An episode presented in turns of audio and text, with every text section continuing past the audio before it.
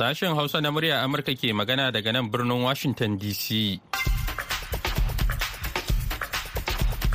Masu sauraro Assalamu alaikum barkanku da asuba da fata an wayi gari lafiya. Muhammad Hafiz Baballe ne tare da Maryam Dauda. Sauran abokan aiki muke farin cikin kasancewa da ku a yau talata 14 ga watan Maris na shekarar 2023.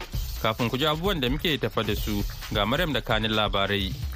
Rasha ta faɗi cewa a shirye take ta ba da damar tsawaita yarjejeniyar fitar da hatsi daga Ukraine da kwanaki 60 yarjejeniyar da ta taimaka wajen rage hauhawar farashin kayan abinci a duniya.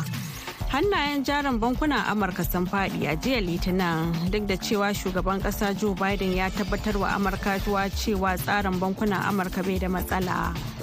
Yawan aukuwar laifuffukan nuna ƙiyayya a Amurka ya ƙara matuƙa a shekarar 2021.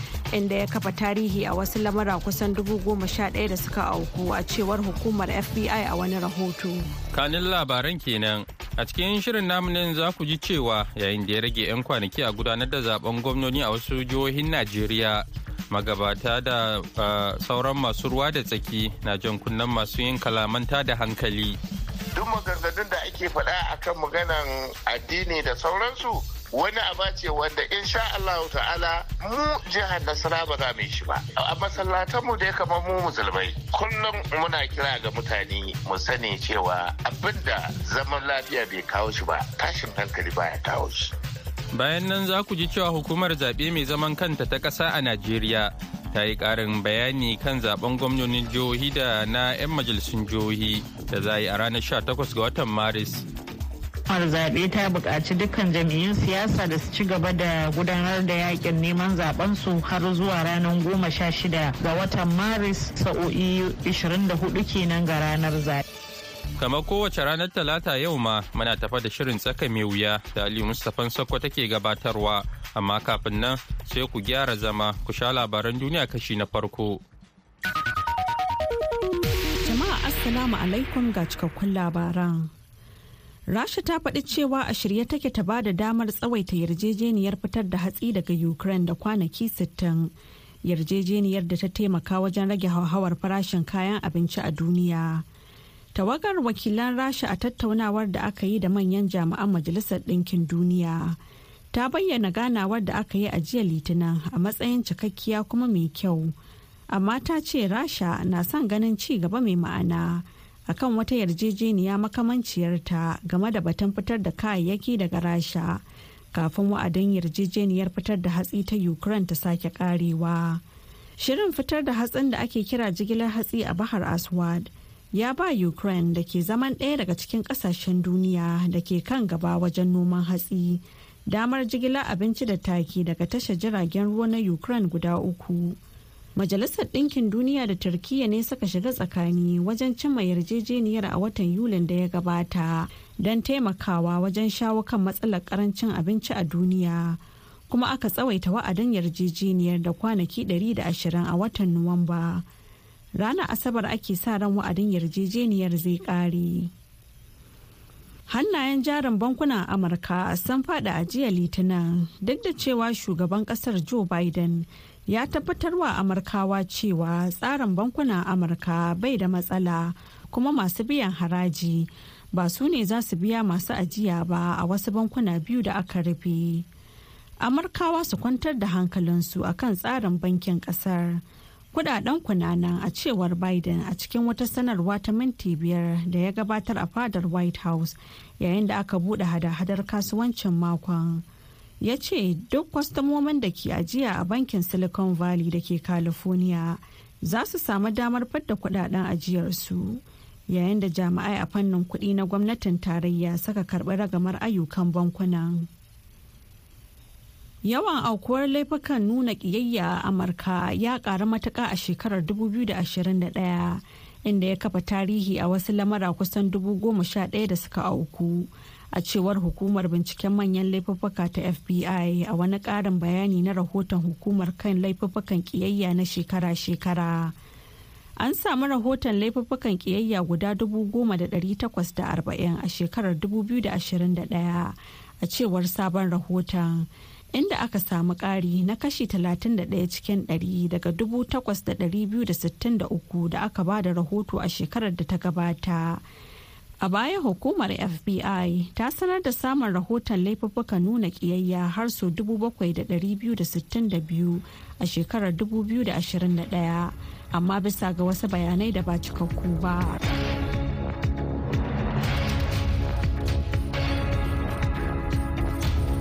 An jima kaɗan Maryam za ta sake shigowa da ci gaban labaran duniya, amma kafin nan bari mu buɗe taskar rahotanninmu.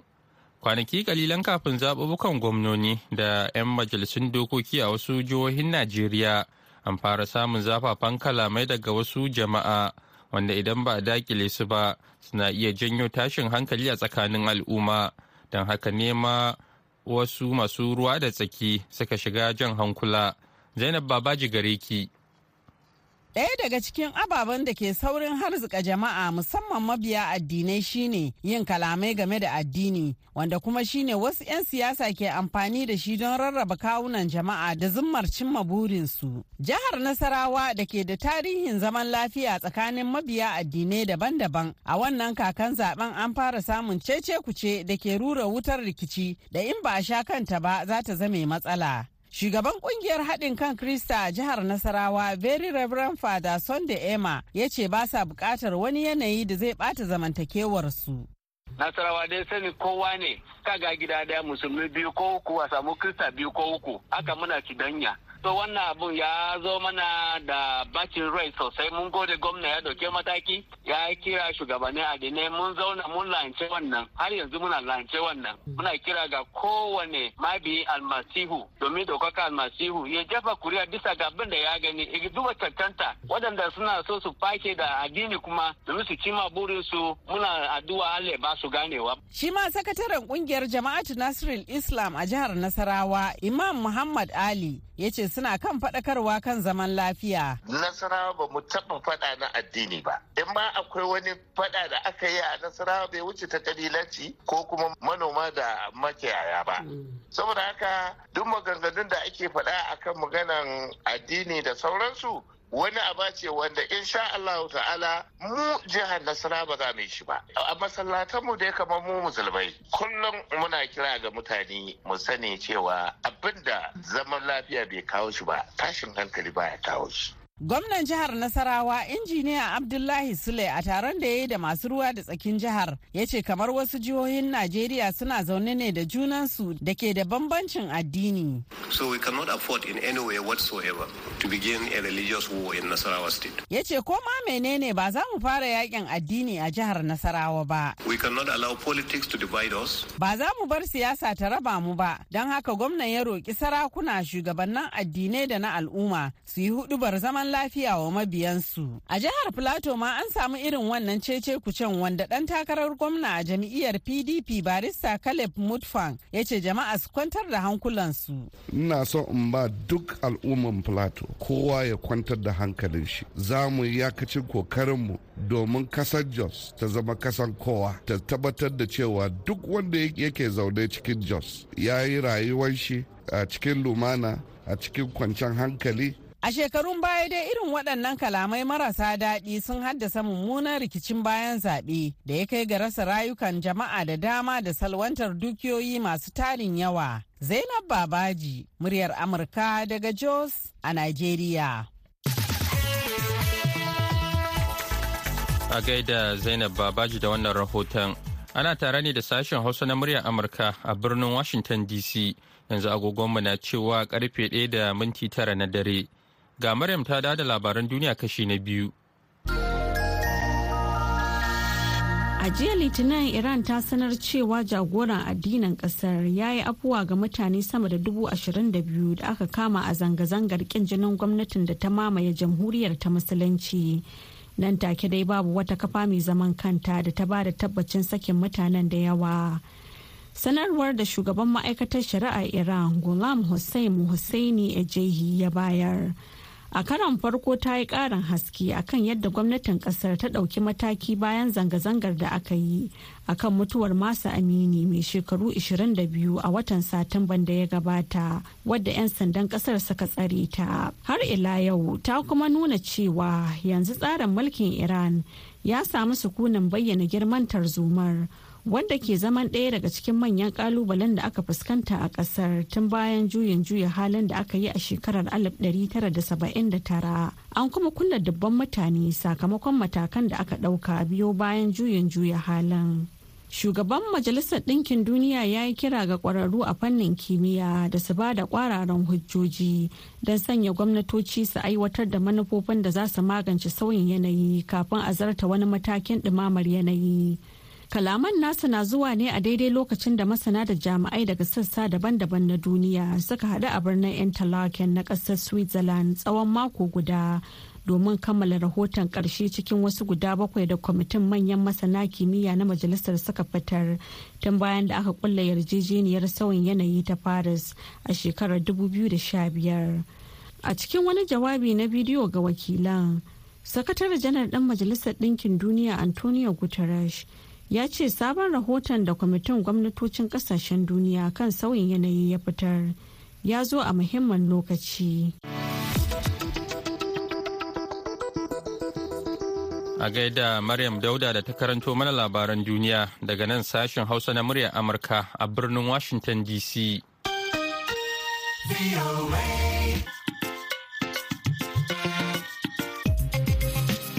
Madalla yanzu kuma za mu sake leƙawa Najeriya.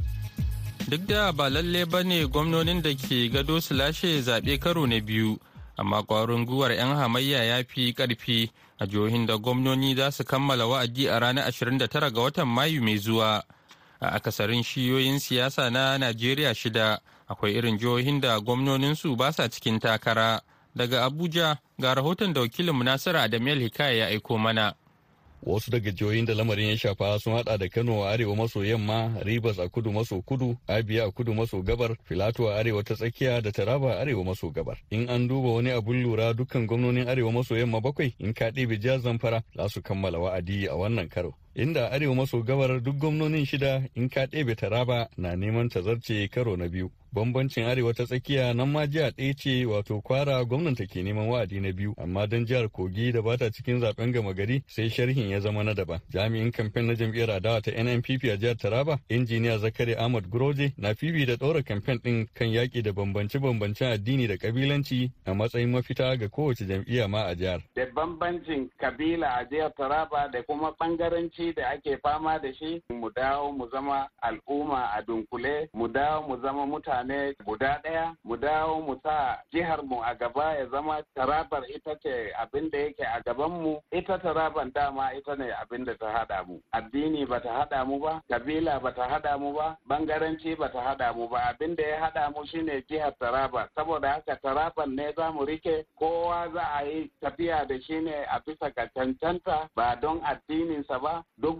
abin da mutum yake nema idan ya cancanci wannan abin za a yi masa kuma za a bashi insha Allah ba tare da la'akari da addininsa bangaranci da ya fito ko kuma yarensa ba. Shi ma kakakin kamfen ɗin babbar jam'iyyar adawa ta PDP a Katsina Imran Wadanas na cewa duk da jiyarar ta shugaba Buhari amma wannan karo sun shirya kawo sauyi. Kawai muna fuskantar Allah ya kai mu sha takwas ga wata mu ci zaɓe tun da mai girma Aminu Bello Masari ya gama da haka duka tun daga shi mai girma Aminu Bello Masari har zuwa shugaban ƙasa Janar Muhammadu Buhari hankalinsu ya kwanta da haka al'ummar jihar Katsina dama ce da suka samu su fito su zaɓi wanda suke so. Zaben da aka yi na ashirin da biyar ga wata ya tabbatar da cewa al'ummar jihar Katsina al'umma ce ta jam'iyyar PDP saboda ko ba komi sun kawo mai girma a cikin Abubakar ƙuri'u wanda ƙuri'un da muka ba da a Katsina sun fi waɗanda mutanen APC suka ba da. Da haka hankalin mu kwance yake kuma shirye muke tsaf. Hukumar zaɓen Najeriya INEC da ke shirin gudanar da zaɓen a ranar Asabar ɗin nan mai zuwa ta ba wa jam'iyyu damar ci gaba da kamfen har ranar wayewar jajiberin zaɓen. Zainab Aminu jami'a ce a sashen labarun hukumar. Kowane rumfar zaɓe yana da na'urar Bivas dole sai an canja kamar kwanan wata da kuma irin zaɓen da za a gudanar. Kuma hukumar zaɓe ta buƙaci dukkan jam'iyyun siyasa da su ci gaba da gudanar da yaƙin neman zaɓen su har zuwa ranar goma sha shida ga watan Maris sa'o'i 24 kenan ga ranar zaɓe. Ana jiran bayani a hukumance daga INEC kan kammala saita na'urorin Vivas don gudanar da zaɓen da za a iya samun shaida ga korafe-korafen da kan taso a bayan zaɓe. Nasura da Malika murar Amurka daga Abuja, Najeriya. A gaida Nasiru, yanzu kuma ga shirinmu na gaba. Tsaka mai wuya. wato abun da nake so jama'a su gane shine wannan na'ura sabuwar na'ura ce a najeriya kuma in an buɗe ta haka a gabanka tana ana tattaba ta tana aiki za ta ɗauki hoton kaza a yi kaza ta bullo da kaza.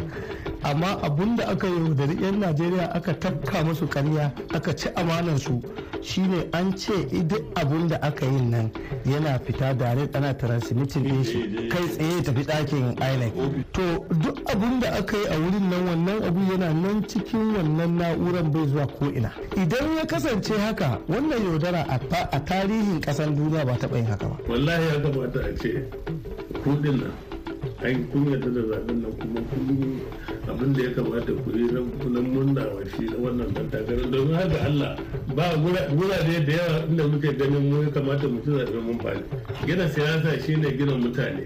A duk Najeriya ba wanda ya kai teku gina mutane. Ina tabbatar maka ni dai a tarihin yan siyasa a Najeriya ban ga wanda ya gina mutane a Najeriya a gina yan siyasa a gina talaka a gina inda ya fito irin Tinubu Jama'a assalamu alaikum barkanku da wannan lokaci barkanmu da saduwarmu da ku a wani sabon shiri na tsaka mai wuya. Shin gaskiya ne wasu daga cikin na'urorin hukumar zaɓen Najeriya ba su yi aiki ba irin su Bivas a lokacin zaɓen shugaban kasa na Najeriya? To za su yi aiki a zaɓen gwamnoni da za a yi a ƙarshen makon nan mai zuwa? Sannan kuma da yake Tinubu ya sha ƙasa a zaɓen shugaban ƙasa a Lagos wanda jam'iyyarsa bata ci ba, za a sake kada shi a zaɓen gwamnoni? Duk wannan suna cikin abubuwan da muke son mu duba a kashi na biyu na muhawarar da muke ji game da sakamakon zaɓen shugaban kasan da ya bi gudana wanda kuma muke yi yayin da muke jiran ganin yadda za ta kaya a zaɓen gwamnoni da za a yi a wannan asabar mai zuwa idan allah ya kai mu bayan da aka ɗage shi. Kafin mu fara ita muhawarar bari mu ji wasu ra'ayoyi masu alaka da zaɓen shugaban kasa sunana aminu sani jaji kuma a wannan zaure ina wakiltar jam'iyya ta ta jam'iyyar apc da kuma dan takararmu ahmad bola tinubu. Farin ciki mu baya iya misaltuwa ganin cewa abun da 'yan najeriya na suka da suna ta jira wannan rana tun lokacin da aka fara jefa kuri'a mutane sun bi layi da rana da komi. Amma alhamdulillah gashi yanzu abun da suka zaba an bayyana musu abun farin ciki ne ga dukkan mu na 'yan najeriya. Wani abun da muke fata shine cewa wannan dama da 'yan najeriya suka ba wannan dan takara namu wanda ya jagoranci wannan kasa shine ta zama dalilin ƙara haɗa kanmu mu ƙara kuma sanin cewa ba mu da ƙasa ta najeriya. Sunana muhammad lawan dalado ni ne shugaban jam'iyyar akwad na ƙasa wakilin jam'iyyar akwad a wannan zaure. Wannan yana alamar cewa 'yan siyasa muka mun fara fahimtar juna mun fara mun fara fahimtar gaskiya.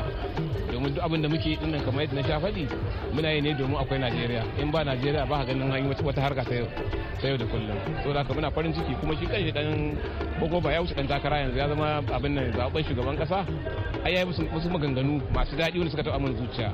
Wanda ya ce yau ya ci zaɓe amma fa zaɓen ba da nasara ce shi kadai nasara ce ta dukkan 'yan najeriya saboda duk wani najeriya ya zo ya ba da gudunmawarsa domin najeriya su ci gaba. Wannan kalmar ta min daɗi ƙwarai kuma allah ya sa mu ba shi haɗin kan a zo a samu ci gaba a najeriya.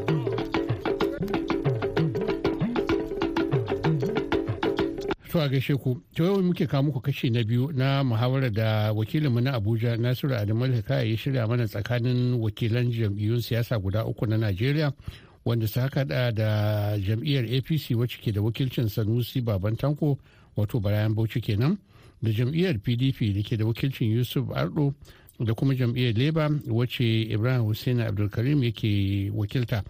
To kamar da muka ce akwai abubuwa da dama da za mu tattauna don haka ba da bata lokaci ba bari sada ku da bakin namu da kuma shi wakilin namu. To bismillah malamai. Kai mun kashe kuɗi over 400 billion kan wannan na'urar saboda kai aiki. Amma a ce ran da za a zo 400 billion wallahi prison ya kamata ya ji. shi shugaban kuma za wallahi prison ya kamata ya ji ba magana mai wani wallahi prison ya kamata ya ji saboda duk abin da aka shirya ƙarya aka yi buhari an mai ƙarya national assembly sun musu ƙarya kuma an karɓi kuɗi don kwangila. Ni dai sai abin da zan gaya musu. Bara shi tinubu da zo jawabin karɓar da takarda. Ya gode wa shi mahmud yakubu saboda ƙoƙarin da yi amma ibrahim abdulkarim yana cewa da mahmud yakubu ma gidan yari ya kamata abin da ya kamata ya kenan tinubu ya masa godiya kuma ba shi kadai ba duk najeriya. saboda ya bari an najeriya. yanzu yanzu mun sai mu ce mu ma an cuce mu ne a lagos. Eh ba mu fada lagos ba. Ba ku faɗi ba. Saboda ba ku faɗi ba. Saboda mun ci ƙuri'ar da mu muka tara daga cikin command center din mu muna da ƙuri'a ta fi dubu ɗari tara. Kun yanke mana ita ta kuma ɗari huɗu bai ta kuma ɗari biyar. Sannan kuma kun rage mana abin da mu abin da muka yi niyya da muka je lagos abin da muke son mu ci ku da ratar miliyan vote miliyan ɗaya. to kai gai gaga ya kamata a ce kun ci lagos a ƙwarai kuma a ce a ce an kada turma shi da tunifin da kan shi za a ci ai ina ina tabbatar maka in dai za a in mutum ya rasa kujera a ba magana yanzu yanzu yanzu na ba da magana technical abu yanzu na ce mata da to shi ne muna furgi cewa technical din ne ka da mu a da rama ce kuka so a mutane. Ai shi yasa ya zo ya ce yayi sauri ya faɗi result. Saboda wannan bibas din is not connected to anything. Kuma kai kai alƙawari kace za ka ya za ka yi? Yusuf abu mana bayani da kai zaɓe a inda kai zaɓe na'urar ba ta yi aiki ba. Wato abun da nake so jama'a su gane shine wannan na'ura sabuwar na'ura ce a najeriya. Kuma in an buɗe ta haka a gabanka tana ana tattaba ta tana aiki za ta ɗauki hoton kaza ai kaza ta bullo da kaza amma abun da aka yi da yan najeriya aka tafka musu karya aka ci amanan su shine an ce duk abun da aka yi nan yana fita dare ana transmitting din shi kai tsaye tafi ɗakin inec. Ofishin saba. Ɗakin ɗakin abun nan kara bayanai. to duk abun da aka yi a wurin nan wannan abu yana nan cikin wannan kamar yadda muka samu bayanai. To kaga a wannan idan ya kasance haka wannan yaudara a tarihin kasan duniya ba taɓa yin haka ba. Kuma mutumin da aka ba amana ku kuna ganin da ba ma sakamakon na'urar kenan gaba? Ba wani a bisa ga bayanan da muka samu domin akwai sakamakon abun da shi abun da ya kamata abun da ya kamata wannan na'urar ita ce ake dubawa ana karanta sakamako. Because already sakamako ya taru based on daga inda aka zaɓo da jihohi da ko'ina da ko'ina to sai ya kasance irin wancan tsari da aka yi a 1999 da takardu wani wuri an gyara wani ka duba misali kamar sakamako da ya zo daga kano. Abun kunya abun kunya a ce professor vice chancellor zai zo da abu har a ce an gyara mashi irin wannan professors ya kamata retiring ɗin su koma gida ba su amfani ka ji zarge-zargen da ake amma kai ba za da ka je ka je ka yi zaɓe ne ko ni na na daidai ne kuma Allah na tuba kusan duk ba inda ba yi ba a yi soke-soke kan takardu ba gashi nan gashi nan ka duba result ɗin Kano ka duba result ɗin Kano abin da yake bani mamaki wallahi ya kamata a ce kuɗin nan an kun yarda da zaɓen nan kuma kun abin da ya kamata ku yi na murna wa shi na wannan dan takarar. Domin haka Allah ba gurare da yawa inda muke ganin mu ya kamata mu ci zaɓe mun faɗi. Amma don ba wato wato wato wato ina so wato ina so ka gane wani baraya a Najeriya a yau ba mu da ɗan siyasa gogagge wanda ya wahala a siyasa ya gina siyasa a Najeriya kamar Atiku Abubakar. Gina siyasa ba gina kanka ba ne. Gina siyasa shine gina mutane. Ai duk najeriya ba wanda ya kai atiku gina mutane. Ina tabbatar maka ni dai a tarihin yan siyasa a najeriya ban ga wanda ya gina mutane a najeriya ya gina yan siyasa ya gina talakawa ya gina inda ya fito irin tinubu ba. Kuma ya gina yan arewa ya gina yan kudu ya gina yamurai a fata yan misali mana. yan arewa. Duk wani dan siya yanzu kuma misali a suna. misali ai ga su da ya kamar barahamauci duk wani dan kamar wa? Kamar duk wani sanata a nan arewa duk wani dan mai gwamna duk wanda ganin suke ba wanda tinubu bai taimake shi. Kuma tinubu ba Allah na tabbatar ba da wannan ba wanda tinubu bai taimake shi. Saboda haka amma in dai gina kai na yadda yau ka a tiku shi ne yanzu kowa a yan siyasa. Amma gina mutane in dai gina mutane ai ba za ka hada tinubu da kowa a najeriya. Bola tinubu shi ma a lagos ba wanda ya kai shi kuɗi. Ba wanda ya kai shi kuɗi a lagos gaba ɗaya haka ake faɗa kace ana faɗa amma ba wanda ya sani in ma ya yi kuɗi ya yi laifi ne eh haka yi amma amma an same shi dama dan kasuwa ne a cikin ne a dan a dan kasuwa dan kasuwa ne ce dan kasuwa ba ne shi me sana'a shi abin da ma ga take me sana'a shi me yake sayarwa me yake sayarwa a kasuwa me ya bola tunun buke sayarwa mansa da shi ai ai shi ne maka ya ta me yake sayarwa dan kasuwa ne me yake sayarwa a kasuwa ba ba ko dan kasuwa ya yi su babu dan kasuwa ne ba dan kasuwa ne ba su karim bari mu bi daddai kar ya zama muhawarar ta zama ta sarki barayin bauchi yi mana bayanin me bambancin shi a ciko abubakar da shi bola tinubu don kaci ba wanda bola tinubu ya yi abin da za a gani a faɗa bola tinubu ya gina mutane bai gina kansa kaɗai ba ka gane ya gina yan arewa. Yau ina kusan kuri'un da bola tinubu ya samu don arewa ne don me? Saboda ya gina mutanen ya gina ƙasansa lokacin da yake lagos da ba wanda zai shiga lagos da ya fita lafiya. Akan wajen abin da ya shafi security abin da ya shafi tsaro a cikin lagos kusan yanzu babu inda ya kai lagos tsaro a nigeria sannan ya gina lagos din kanta. Ya yi hanyoyi ya gina gari a cikin ruwa. Wanda wani hanyoyin da ya a cikin lagos suna da yawa. Wanda ya gina gari? Mutumin da ya gina gari ma gaba ɗaya a cikin lagos bari mu zagayo mu ji kafin mu ma dawo gunka ibrahim abdulkarim don kai dama jam'iyyar da shi a peter obi a 2019 ya yi mataimakin dan takara da riga ciko abubakar. Bari mu wannan tambaya gurgurde yusuf wadda kai ne ka ɗauki mulkin tinubu? Menene yau in aka ce shugaba tinubu ne mai ka ɗauke shi a matsayin shugaban najeriya wanda kuma ba dan takarar ka ciko abubakar ba. Wato ni ba na iya yi ma wani mummunan zato. Har kullum na yi kyakkyawan zato a kowa. Ba za mu iya sanin mulkin tinubu yadda zai kasance. Amma babban abun bakin ciki ni da zan faɗa shine ta hanyar da mutum zai zo mulki. Tinubu zai iya mulki mai kyau ban sani ba. Zai iya mara kyau ban sani ba. Wannan allah ne ya sani sai ya zo. Mulkin da ya a lagos a lagos ya yi. Wanda ya mulki a jiha ba za ka kwatanta shi da mulkin najeriya ba. Amma abu ɗaya da muke kallo tinubu ya tsufa kuma yana da alamu na ɗan rashin ƙoshin lafiya. So waɗannan abubuwan muna ganin kamar yanayin najeriya za ta ɗan ba shi wahala. Eh ba dambe ba ne amma aiki ne da yake buƙatar jajircewa da tsayawa ba gudu ba ja da ba ba dare ba rana. Domin ina zuwa ina zuwa aiki ne wanda ake buƙatar mutum wanda yake tsayayye da duka mu san yadda Najeriya take. So idan ka ɗauko mutumin da yake shekarunsa sun tafi kuma yana da ɗan illa na rashin lafiya. Wani lokaci wasu abubuwa za su dan sha mai kai na ƙasa da shi idan ba samu na kirki ba aka samu matsala.